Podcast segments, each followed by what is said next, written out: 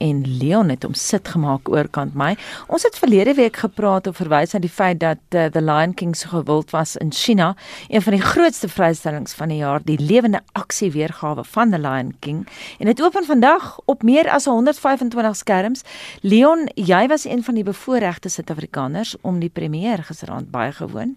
Is dit beter as die klassieke animasie weergawe? Anita, ek verkies die animasie se Kameland weergawe destyds 25 jaar gelede want hierdie The Lion King hoogs vermaaklik en betowerend moet ek beklemtoon soos dit is gebruik spesiale rekenaartegnieke wat die werklikheid naboots. Maar as jy dan vir Afrika is lyk dit na Afrika soos Amerikaners dit wil sien. Dis 'n pretpark rit of merry-go-round weergawe.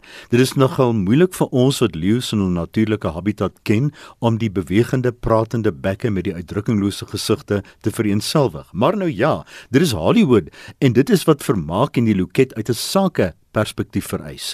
En as jy wil weet of jy in die gesin hiervan gaan hou, o ja, absoluut beslis as ek luister na die applous gisterand. Mits jy jou daaraan oorgee sonder om die grys breinselletjies te ooreis. Ons in Afrika ervaar dit egter so 'n bietjie anders as Amerikaners en ek moet die resensie ook uit daardie perspektief doen, maar net weer eens, as gesinsvermaak gaan jy absolute waarde vir jou geld in The Lion King kry. Nou julle ken die storie, kort na sy geboorte as die nuwe koning word klein Simba se pa Mufasa deur sy bose oom skaar vermoor. Let net daarop dat daardie toneel nogal bietjie skrikwekkend is vir die ou heel kleintjies. The Lion King gaan oor die leeuetjie se swaar pad na volwassenheid en sy terugkeer om sy regmatige plek op te eis. Omdat The Lion King se storie oorbekend is en die animasie weergawe legendaries is, moet jy jou oorgee aan die nuwe weergawe en nie daarteen beklei nie. Elkeen van ons het net nou maar sy eie persoonlike gunsteling weergawe, maar in hierdie een is mens oorbewus van die singery en dansery tussen die animasie werklikhede. Die twee hou nie altyd hande vas nie, maar as jy na vermaak soek, het jy jou antwoord gekry. Ek beveel dit vir gesinne aan. Onthou net, dit kom eintlik tot sy volle reg in 3D met 3D brille, veral in reuse Scene Extreme Theaters, 4DX wat die stoele beweeg en skud en natuurlik IMAX.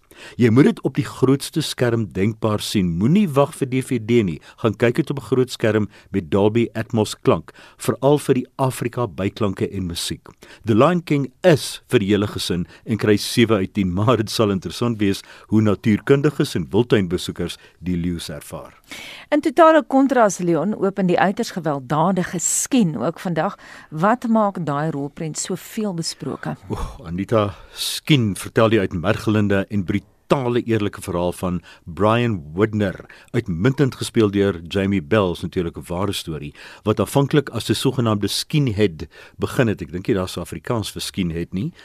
Uh hierdie uiterste rasis het beledigende tatoeëermerke op sy hele liggaam en gesig laat aanbring en haat en onmin gesaai so ver as wat hy gegaan het. Toe ontmoet hy 'n meisie, die ewe vernuftige aktrise Danielle McDonald en raak bekeer.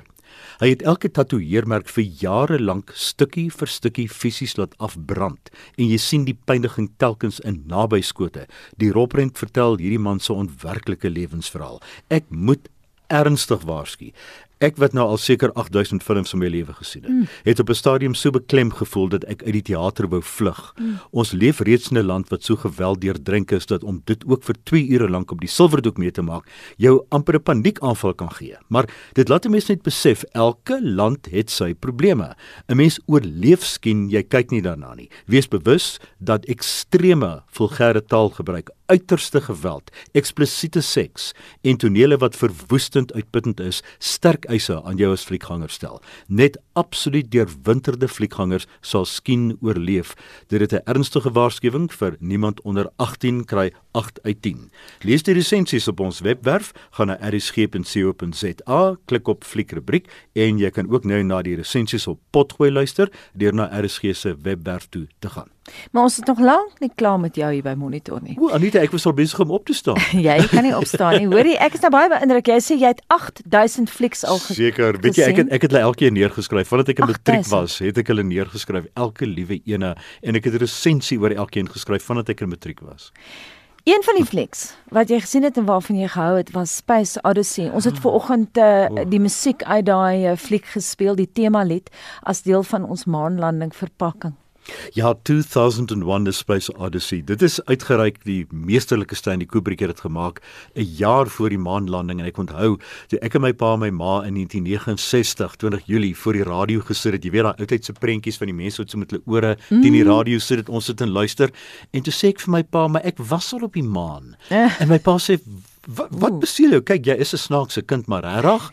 Dis ek vir my ek het 2001 Space Odyssey gesien en Stanley Kubrick het ons maan toe gevat en hulle daar 'n snaakse ding op die maan gekry wat syne uitgestuur het en my pa het net vir my gelag.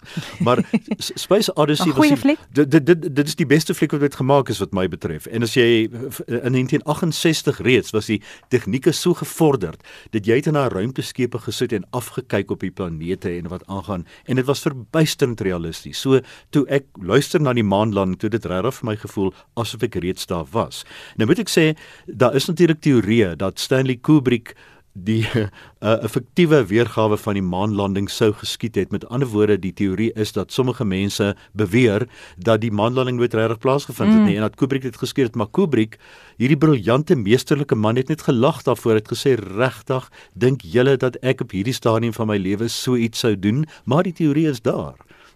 Ja, daarvan gepraat. Ek sien nou op ons SMS terugvoer het Mare van die Baai geskryf en ek wil aansluit by jou. Uh, Leon, daardie mense wat glo die maanlanding het nie werklik plaasgevind nie, glo ook seker die aarde is plat.